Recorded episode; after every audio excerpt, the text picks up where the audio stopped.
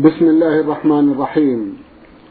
الحمد لله رب العالمين والصلاة والسلام على نبينا وسيدنا محمد وعلى آله وصحبه وسلم. اللهم صل وسلم مستمعي الكرام السلام عليكم ورحمة الله وبركاته وأسعد الله أوقاتكم بكل خير.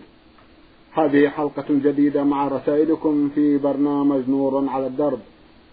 رسائلكم في هذه الحلقة نعرضها على سماحة الشيخ عبد العزيز ابن عبد الله بن باز الرئيس العام لإدارات البحوث العلمية والإفتاء والدعوة والإرشاد. مع مطلع هذه الحلقة نرحب بسماحة الشيخ ونشكر له تفضله بإجابة السادة المستمعين. فأهلا وسهلا بالشيخ عبد العزيز. حياكم الله وبارك فيكم. نعود في بداية هذه الحلقة إلى رسالة الأخت عين عين من الأحساء. أختنا عرضنا جزءا من أسئلتها في حلقة مضت وفي هذه الحلقة بقي لها عدد من الأسئلة. فتسأل هذا السؤال وتقول هل يجوز خلع الحجاب بين صديقاتي أثناء زيارتي لهن؟ علما بأن المكان خال من الرجال. وأن رجال البيت على علم بأننا في داخله. أرجو التوضيح. جزاكم الله خيرا. بسم الله الرحمن الرحيم. الحمد لله وصلى الله وسلم على رسول الله وعلى آله وأصحابه ومن اهتدى بهداه أما بعد فلا حرج في خلع المرأة. حجابها عند النساء كالخمار الذي على رأسها أو العباءة التي عليها ونحو ذلك. لا بأس بذلك. لأن المرأة ليس لها ولا عليها أن تتحجب عن المرأة ولو كانت كافرة على الصحيح. حتى ولو كانت المرأة كافرة كبعض الخادمات لا لا يجب على المرأة أن تحتجب عن المرأة سواء كانت على دينها على دينها أو على أو ليست على دينها في أصح. هؤلاء العلماء من جهة الكافرة. وبعض أهل العلم يقول أنها تحتجب عن الكافرة لأن الله قال أو نسائهن. والصواب أنه لا يجب الاحتجاب عن الكافرة بل تكون مسلمة ولكن لا يجوز استخدام الكافرات لهذه البلاد السعودية لأنها جزيرة. والرسول صلى الله عليه وسلم أمر بإخراج الكفار من الجزيرة. فالحاصل أنه لا حرج في خلع المرأة حجابها عند النساء. إذا كان المكان ليس فيه أجنبي فإن وليس فيه من تظن أنهم ينظرون إليها ويتحيلون في النظر إليها. إذا كان المكان مأمونا فلا بأس. نعم. جزاكم الله خيرا. تسأل أختنا وتقول هل يجوز لبس الفستان الأبيض والطرحة البيضاء ليلة الزواج؟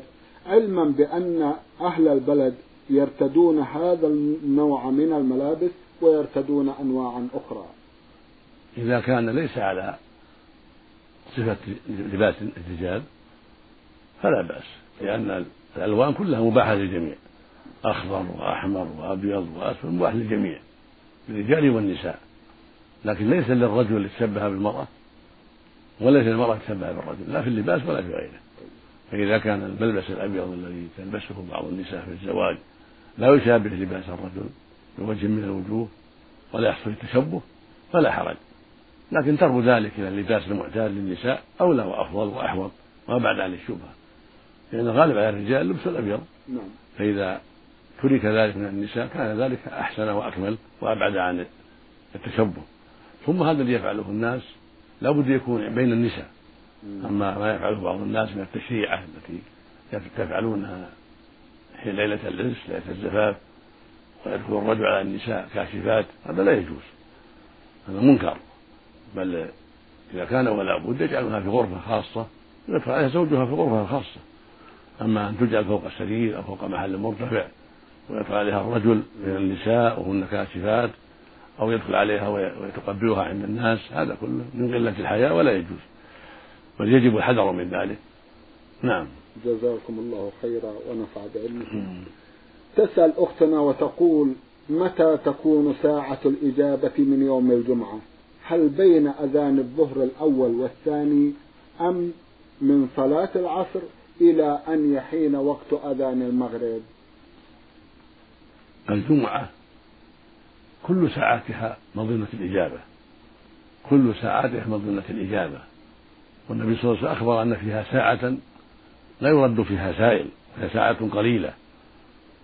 فالمشروع للمؤمن والمؤمنة الإكثار من الدعاء يوم الجمعة من أوله إلى آخره. لكن أحرى الساعات وقتان. أحراها بالإجابة وقتان. نعم. أحدهما حين يجلس الإمام يوم الجمعة في الخطبة على المنبر إلى أن تقضى الصلاة. جاء فيها حديث رواه مسلم في الصحيح أنها ما بين يجلس الإمام إلى أن تقضى الصلاة. وقد أعله بعضهم بالوقف على أبي بردة والصواب أنه متصل مرفوع رواه مسلم في الصحيح. والوقت الثاني ما بين صلاة العصر إلى غروب الشمس جاء فيها حديث أيضا. هذان الوقتان هما أرجى الساعات وأحراها بساعات الإجابة. ولكن مع ذلك يستحب الدعاء في جميع أوقات الجمعة حرصا على هذه الساعة. نعم. جزاكم الله خيرا. نعود أيضا في هذه الحلقة إلى رسالة أخينا ألف عين جيم من جمهورية مصر العربية.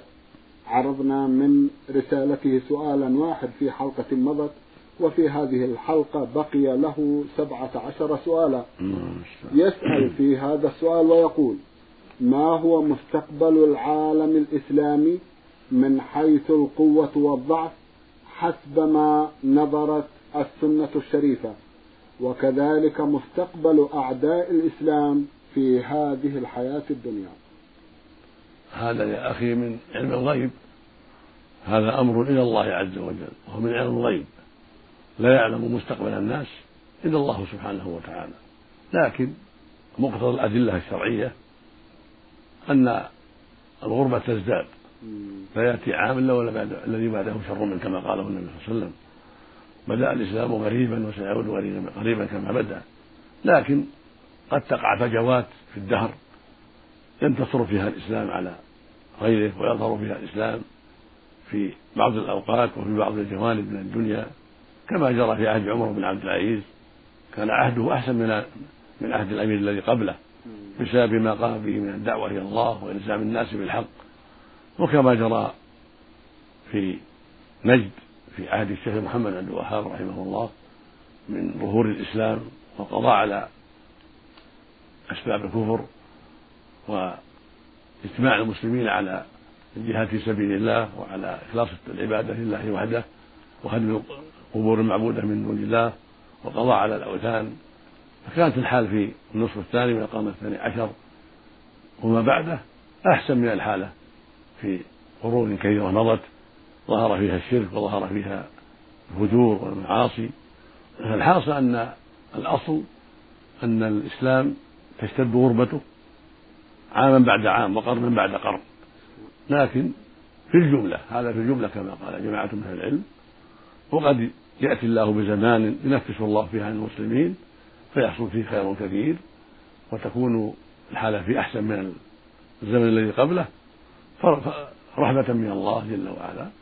وقد يكون ذلك في جانب دون جانب وفي إقليم دون إقليم كما جرى في وقت الشيخ محمد بن الوهاب وفي بلدان أخرى خرج فيها مصلحون صارت الحالة في بلادهم أحسن من الحالة التي قبلها. وقتا ما. نعم. والله جل وعلا أخبرنا أن هذا الإسلام ينتهي في آخر الزمان. وأن هناك ريحا تخرج يرسلها الله عز وجل يقبض بها أرواح المؤمنين والمؤمنات. ثم يبقى الأشرار فعليهم تقوم الساعة. ففي آخر الزمان يقبض القرآن يرفع القرآن ويقبض المؤمنون والمؤمنات ويبقى الأشرار فعليهم تقوم الساعة. لكن في هذا العصر هذا في أول هذا القرن وفي آخر القرن السابق حصل بحمد الله يقظة للمسلمين وحركة مباركة للمسلمين. صار فيها المسلمون الآن أحسن من حالهم قبلها في أوقات بسبب الحركة الإسلامية من الشباب وغيرهم. كثرة الدعاة إلى الله والجمعيات الإسلامية والمراكز الإسلامية في شتى بقاع الأرض. وقد انتشر الدعاة من هنا وهنا من الجامعة الإسلامية ومن هذه الرئاسة الرئاسة العامة للبحوث العلمية والإفتاء والدعوة والإرشاد ومن ومن الرابطة ومن جهات أخرى فالحاصل أن هذا الوقت الآن يبشر بخير من حركة إسلامية قوية وتكاتف ودعوة إلى الله ونشاط فنرجو أن يكون المستقبل القريب أحسن مما مضى بكثير. أما ما بعد ذلك فالله أعلم جل وعلا والأدلة معروفة في هذا الباب. وأما مستقبل الكفرة فكذلك كلما نشط الإسلام ضعف جانب الكفر. وكلما ضعف الإسلام نشط جانب الكفر. وأما تفصيل الأشياء وعلم نهاياتها فهذا إلى الله سبحانه وتعالى. لكن واجب على المسلمين أن يجتهدوا في نصر دين الله والدعوة إلى الله وأن يتعاونوا على البر والتقوى وأن يحرصوا على جهاد الأعداء ونشر تعاليم الإسلام حتى يظهر دينهم وحتى يبقى دينهم وحتى يستعيدوا بعض ما سلبه الأعداء منهم. هذا واجب المسلمين. وهذا الواجب على الدول الإسلامية أن تتقي الله وأن تحكم شريعته سبحانه وأن تجتهد في إصلاح أوضاع بلادها وإقامة حكم الله في بلادها وفي شعبها هذا هو واجب على جميع المسلمين. وقد سرنا ما سمعنا عن حكومة بنغلاديش من إعلانهم تحكيم الشريعة واجتماعهم على هذا الأمر وهذا يبشر بخير كثير. ونرجو أن يوفقهم الله لهذا الأمر وأن يعينهم على تحكيم الشريعة وأن يوفق الباقين لهذا الأمر وأن يقتدوا بغيرهم من ممن سعى وبادر إلى تحكيم الشريعة. وهكذا حكومة باكستان عندها عزم كبير على تحكيم الشريعة فنسأل الله أن يعينها على ذلك. وهكذا نرجو بقية الدول الإسلامية كحكومة مصر وحكومة الأردن وغيرهما. نسأل الله لهم العون والتوفيق حتى يحكموا شريعة الله وحتى يدعوا النظم المخالفة لشرع الله. هذا هو الواجب عليهم. وبذلك ينصرهم الله ويعينهم ويحسن لهم العاقبة ويجمع شملهم على الخير. والله المسؤول سبحانه أن يوفق المسلمين جميعا حكاما ومحكومين وقادة وشعوبا لكل ما فيه رضاه وصلاح عباده وأن يعينهم على تحكيم الشريعة والتمسك بها وترك ما يخالفها. إنه سبحانه وتعالى سميع قريب. جزاكم الله خيرا ونفع بعلمكم واستجاب لدعوتكم. شيخ عبد العزيز الناس بين متفائل ومتشائم. تجاه ما وسموه بالصحوة الإسلامية. لعل لسماحتكم من كلمة في هذا المقام تجاه الواجب التفاؤل الواجب التفاؤل وحسن الظن بالله. هذا هو الواجب. يقول الله عز وجل فيما صح عن رسوله صلى الله عليه وسلم يقول سبحانه أنا عند ظن عبدي بي وأنا معه إذا دعاني. وفي صحيح مسلم عن جابر رضي الله عنه عن النبي عليه الصلاة والسلام أنه قال لا يموتن أحد منكم إلا وهو يحسن ظنه بالله. فالواجب حسن الظن بالله. مع السعي الجاد ومع العمل في نصر دين الله وإقامة شرع الله وأن يحاسب كل واحد نفسه في أداء حق الله وترك معاصي الله والوقوف عند حدود الله وأن يعين حكومته في كل خير يكون أمينا في وظيفته يؤدي الأمانة وينصح للأمة ويحافظ على الحق ويسارع إلى الصلاة ويؤديها في وقتها مع الجماعة وهكذا جميع أمور الإسلام. كل واحد مسؤول حتى يساعد الأمة في رجوعها إلى دين الله وإقامتها لشريعة الله وحتى يعين دولة على ذلك. ويجوب ويجب أيضا على كل أسرة وعلى كل جماعة أن تتعاون في هذا في ترك ما حرم الله وفي أداء ما أوجب الله وفي التبكير بذلك والتعاون على ذلك. هذا هو واجب المسلمين. والله يقول سبحانه وتعاونوا على البر والتقوى ولا تعاونوا على الإثم والعدوان. ويقول سبحانه والعصر إن الإنسان لفي خسر إلا الذين آمنوا وعملوا الصالحات وتواصوا بالحق وتواصوا بالصبر. هؤلاء هم الرابحون الذين آمنوا بالله ورسوله إيمانا صادقا فعبدوه وحده وخلصوا له العبادة وحكموا شريعته وعملوا بما أوجب عليهم وتركوا ما حرم الله عليهم وتواصوا بذلك وتناصحوا في ذلك وتواصوا بالصبر على ذلك. هؤلاء هم الرابحون. هؤلاء هم السعداء في الدنيا والآخرة. وهذا هو الواجب على جميع المؤمنين وعلى جميع المؤمنات أن يتواصوا بالحق وأن يتناصحوا وأن يتعاونوا بالبر والتقوى وأن يصبروا على ذلك حتى الموت.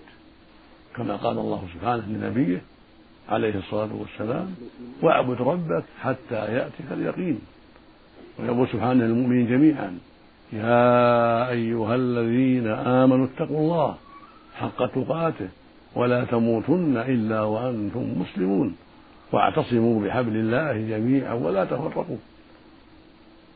ويقول النبي صلى الله عليه وسلم إن الله يرضى لكم ثلاثة أن تعبدوه ولا تشركوا به شيئا وأن تعتصموا بحبل الله جميعا ولا تفرقوا. رواه مسلم في الصحيح. زاد في رواية أخرى وأن تناصحوا من ولاه الله أمركم فالمؤمنون واجب عليهم التناصح والتعاون. وهكذا النساء المؤمنات يجب عليهن التناصح والتعاون فيما بينهن ومع الرجال ومع أهلهن. فالواجب مشترك. يقول الله سبحانه والمؤمنون والمؤمنات بعضهم أولياء بعض. يأمر بالمعروف وينهون عن المنكر. ويقيمون الصلاة ويؤتون الزكاة ويطيعون الله ورسوله. أولئك سيرحمهم الله. إن الله عزيز حكيم. يقول سبحانه كنتم خير أمة أخرجت للناس. تأمرون بالمعروف وتنهون عن المنكر وتؤمنون بالله. فالواجب على الجميع في كل مكان وفي كل زمان التعاون على الخير والتواصي بالحق والتواصي بالصبر رجالا ونساء. كبارا وصغارا. عربا وعجما. هذا واجب على الجميع. أن يتعاون بالبر والتقوى أينما كانوا. ويتواصوا بالحق. كتابة ومشافهة وبكل طريق. رزق الله الجميع. التوفيق والهداية. نعم. اللهم آمين. جزاكم الله خيرا. اذا هذا هو الطريق الصحيح الذي يراه الشيخ عبد العزيز بن باز للصحوة الإسلامية. هذا هو الطريق الصحيح. وهذا الذي يراه المسلمون يراه أهل الحق وأهل العلم أن الواجب تغذية هذه الصحوة واليقظة والإعانة لمن قام بها والشكر له على ذلك والتوجيه والدعم حتى يكثر الخير ويقل الشر. جزاكم الله خيرا واستجاب لدعوتكم. ننتقل إلى أسئلة أخرى عبر رسالة الأخ عين جيم من جمهورية مصر العربية.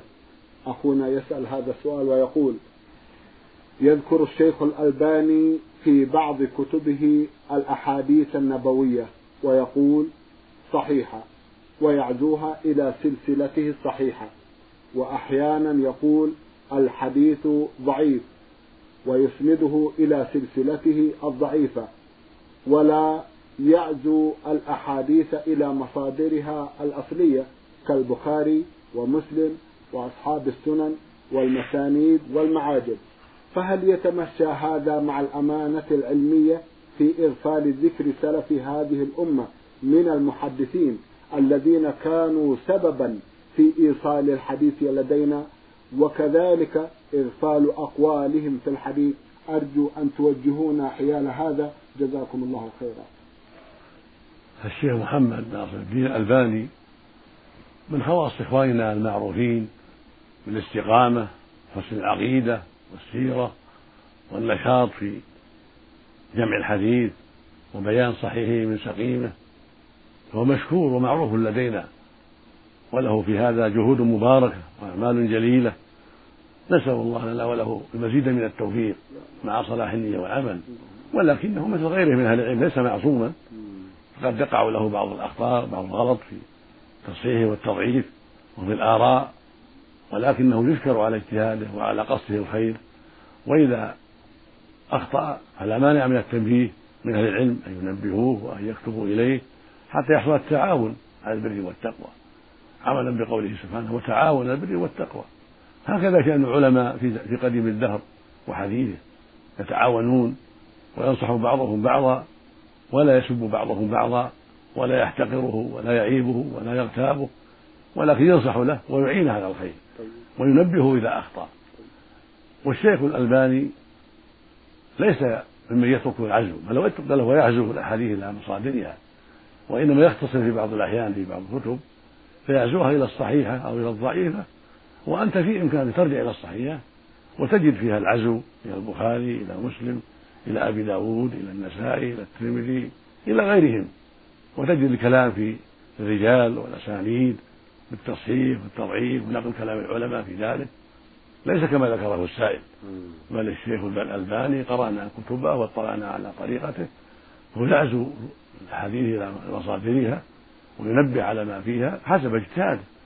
لكن إذا اختصر في بعض الأحيان وقال ذكرته الصحيحة أو ذكرته الضعيفة أو ذكرته في صحيح الجامع أو في صحيح كذا أو في ضعيف كذا معناه أنه يرشدك إلى أن ترجع إلى ذاك. حتى تجد مطلوبك من البحث والكلام على السند. هكذا هكذا عمله هكذا طريقته. فالواجب عليك أيها السائل أن تتقي الله وأن تنصف أخاك. وفق الله الجميع. نعم. جزاكم الله خيرا. إذا يرى سماحة الشيخ عبد العزيز أن الشيخ الألباني فيما إذا أرشد إلى خطأ وقع في كتبه أنه سيصحح. إذا ظهر له صح إذا ظهر له ذلك. نعم. إذا ظهر له أن الذي أرشده أصاب وهو أخطأ نعم. صح. جزاكم نعم. الله خيرا. السؤال الأخير الذي نعرضه من أسئلة أخينا عن حكم بيع التورق. التورق معاملة معروفة عند أهل العلم فيها خلاف بين أهل العلم والصواب أنه لا بأس بها. فالمعاملة التي يسمونها التورق ويسميها العامة الوعدة هي أن يبيع الإنسان سلعة على إنسان محتاج إلى أجل معلوم وهذا المشتري يبيعها بعدما يقبضها يبيعها بنقد ويقضي بها حاجته من زواج أو قضاء دين أو بناء سكن أو غير ذلك. فيأتي زيد وهو محتاج إلى عمر وهو من التجار ويقول له أريد سيارة أو أريد أكياس من رز أو من السكر أو كذا تبيعني إياها إلى أجل معلوم؟ فيقول نعم يتفقان على ثمن معلوم وعلى أقساط معلومة فيتم البيع على ذلك.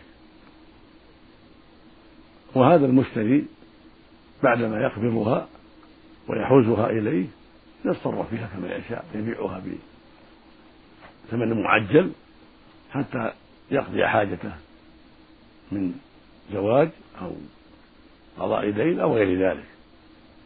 ولكن يقع في هذا أخطاء لهؤلاء ولهؤلاء. ينبغي التنبيه عليها بل يجب التنبيه عليها. ونبهنا عليها كثيرا في هذا البرنامج وفي غيره. وهي أن البائع قد يبيع ما ليس عنده. تاجر قد يبيع سيارات بهم عنده عند التجار أو عند الشركات. قد يبيع أكياس من الرز بهم عنده وبعد البيع يذهب يشتريها. هذا لا يجوز. النبي صلى الله عليه وسلم لا تبع ما ليس عندك. وصح عنه عليه السلام أنه قال أنه نهى أن تباع السلع حيث تبتاع حتى يحوزها التجار إلى رحالهم وجاءه حكيم بن حزام رضي الله عنه فقال يا رسول الله الرجل يأتيني يريد السلعة فأبيعها عليه ثم أذهب فأشتريها. قال لا تبع ما ليس عندك. فالحاصل أن البائع قد يخطي والمشتري قد يخطي. فالبائع قد يبيع ما ليس عنده ثم يذهب يشتري وهذا لا يجوز. بل لا يبيع سيارة ولا أكياس ولا خام ولا كذا إلا إذا كان عنده في حوزته في ملكه في بيته في دكانه. والمشتري للمحتاج ليس له يبيع أيضا حتى يقبض لا يبيع هذا اللي بيع عليه ولا يبيعها وهي عنده بل يقبضها وينقلها إلى بيته أو إلى السوق أو إلى بيت فلان أو دكان فلان. يعني ينقلها من بيت البايع من محل البايع ثم يتصرف بعد ذلك. هكذا يجب على هذا وهذا. فإذا باع أحدهما قبل أن يقبض هذا هو الذي لا يجوز وهو الذي يخل به كثير من الناس وتأتيه المشكلة من هذا الجانب.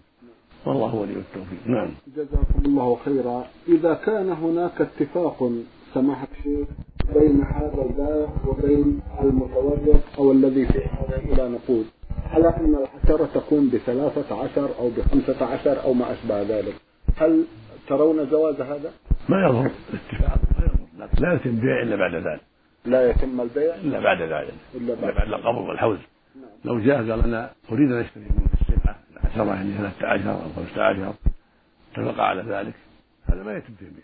هذا وعد تمهيد. نعم. لكن البيع الذي يتم بعدما يحوزها التاجر يكون عنده في بيته. السلعة ثم يبيعها عليه بعد ذلك. يبيعها على الراغب بثمن معين أقساط معلومة أو أجل معلوم. العشرة خمسة عشر أو أقل أو أكثر لا بأس. ليس ليس له حد محدود. وثبت عنه صلى الله عليه وسلم أنه في بعض تجهيز السرايا اشترى البعير بالبعيرين إلى إلى أجل معلوم. نعم. الحاصل أنه لا بأس أن يشتري منه إلى أجل معلوم بعدما يحوز التاجر المال. أما يكون يخاطبه قبل ذلك ويتفق معه أن يشتري من كذا وكذا؟ لا بأس. لكن لا يتم بيع لا هذا ولا هذا. لا لهذا ولا لهذا. كل واحد له أن يرجع. له أن يهون يعني. عن نعم. ما عزم عليه. نعم. نعم. إيه، حتى يتم البيع بعد شراء التاجر للسلعة أو بعد إحضارها في ملكه وبعد حوزتها. بعد ذلك يبيع هذا الصارف فإذا تم البيع بعد ذلك لزم. بالتفرق جزاكم الله خيرا. إذا الذي تحذرون منه والذي يشكو منه الناس ما هو سماحة الشيخ؟ بعض الناس يشكو من جهة زيادة الثمن وأن التاجر يبيع عليه بثمن رفيع. بعض الناس يشكو من جهة أنه يبيع ما, لا يم... ما, لا ما, ما قبل أن يملك قبل أن يقبض. فالذي يشتكى منه هو أن يبيع قبل أن يملك السلعة أو المشتري يبيع قبل أن يقبضها. فالتاج ليس له البيع حتى تكون عنده السلعة والمشتري من التاج ليس له يبيع حتى يقبضها من التاجر أيضا أما الحد المحدود في الربح فليس له حد محدود. والناس يختلفون. منهم من يكون ملي ويسدد بدون تعب ولا أذى. نعم. هذا التاجر يخفف عليه الزيادة والربح ولا ولا يكثر عليه. ومنهم من يخشى أنه يطول والأجل بعيد. وربما يماطل هذا هو الذي قد يزيدون عليه في في الثمن بسبب طول الأجل أو بسبب خوفهم التأخير. نعم. جزاكم الله خيرا ونفع بعلمكم. الرسالة الأخيرة في هذه الحلقة رسالة أخ لنا من جدة يقول عين ميم خاء. إنني أرغب في خطبة إحدى قريباتي ولكن اكتشفت بأنني رضعت من والدتها بل الأصح إخوة الكبار وإخوة الفتاة كل من الآخر رضع من والدة الآخر. لهذا أرجو إفادتي عن هذه المسألة. وللعلم فإن الفتاة لم ترضع من والدتي لأنها هي الأصغر. أرجو أن يكون خطابي هذا محل اهتمامكم وأرجو أن يكون الرد في برنامجكم. جزاكم الله خيرا. إذا كنت لم ترضع من أمها ولم ترضى هي من أمك فلا بأس وإن رضع إخوتك من أمها أو رضع إخوتها من أمك.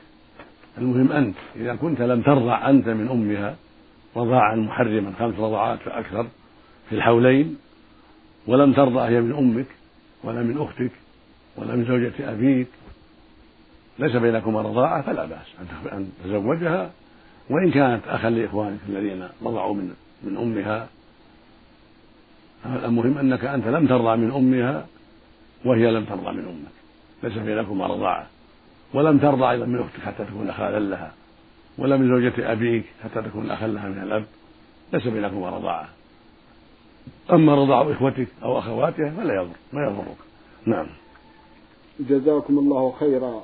اتسع الوقت شيخ عبد العزيز لهذا السؤال من أخينا إسماعيل ناصر الهياف من حائل يسأل ويقول بعض الناس يقولون إن من يتحرك ثلاث حركات في الصلاة بطلت صلاته. هل هذا صحيح؟ ليس بالصحيح هذا قول بعض أهل العلم لكن ليس بالصحيح وإنما الذي يبطل الصلاة الحركة الكثيرة المتوالية عرفا. كثرت الحركة وتوالت هذا هو اللي يبطلها عند أهل العلم.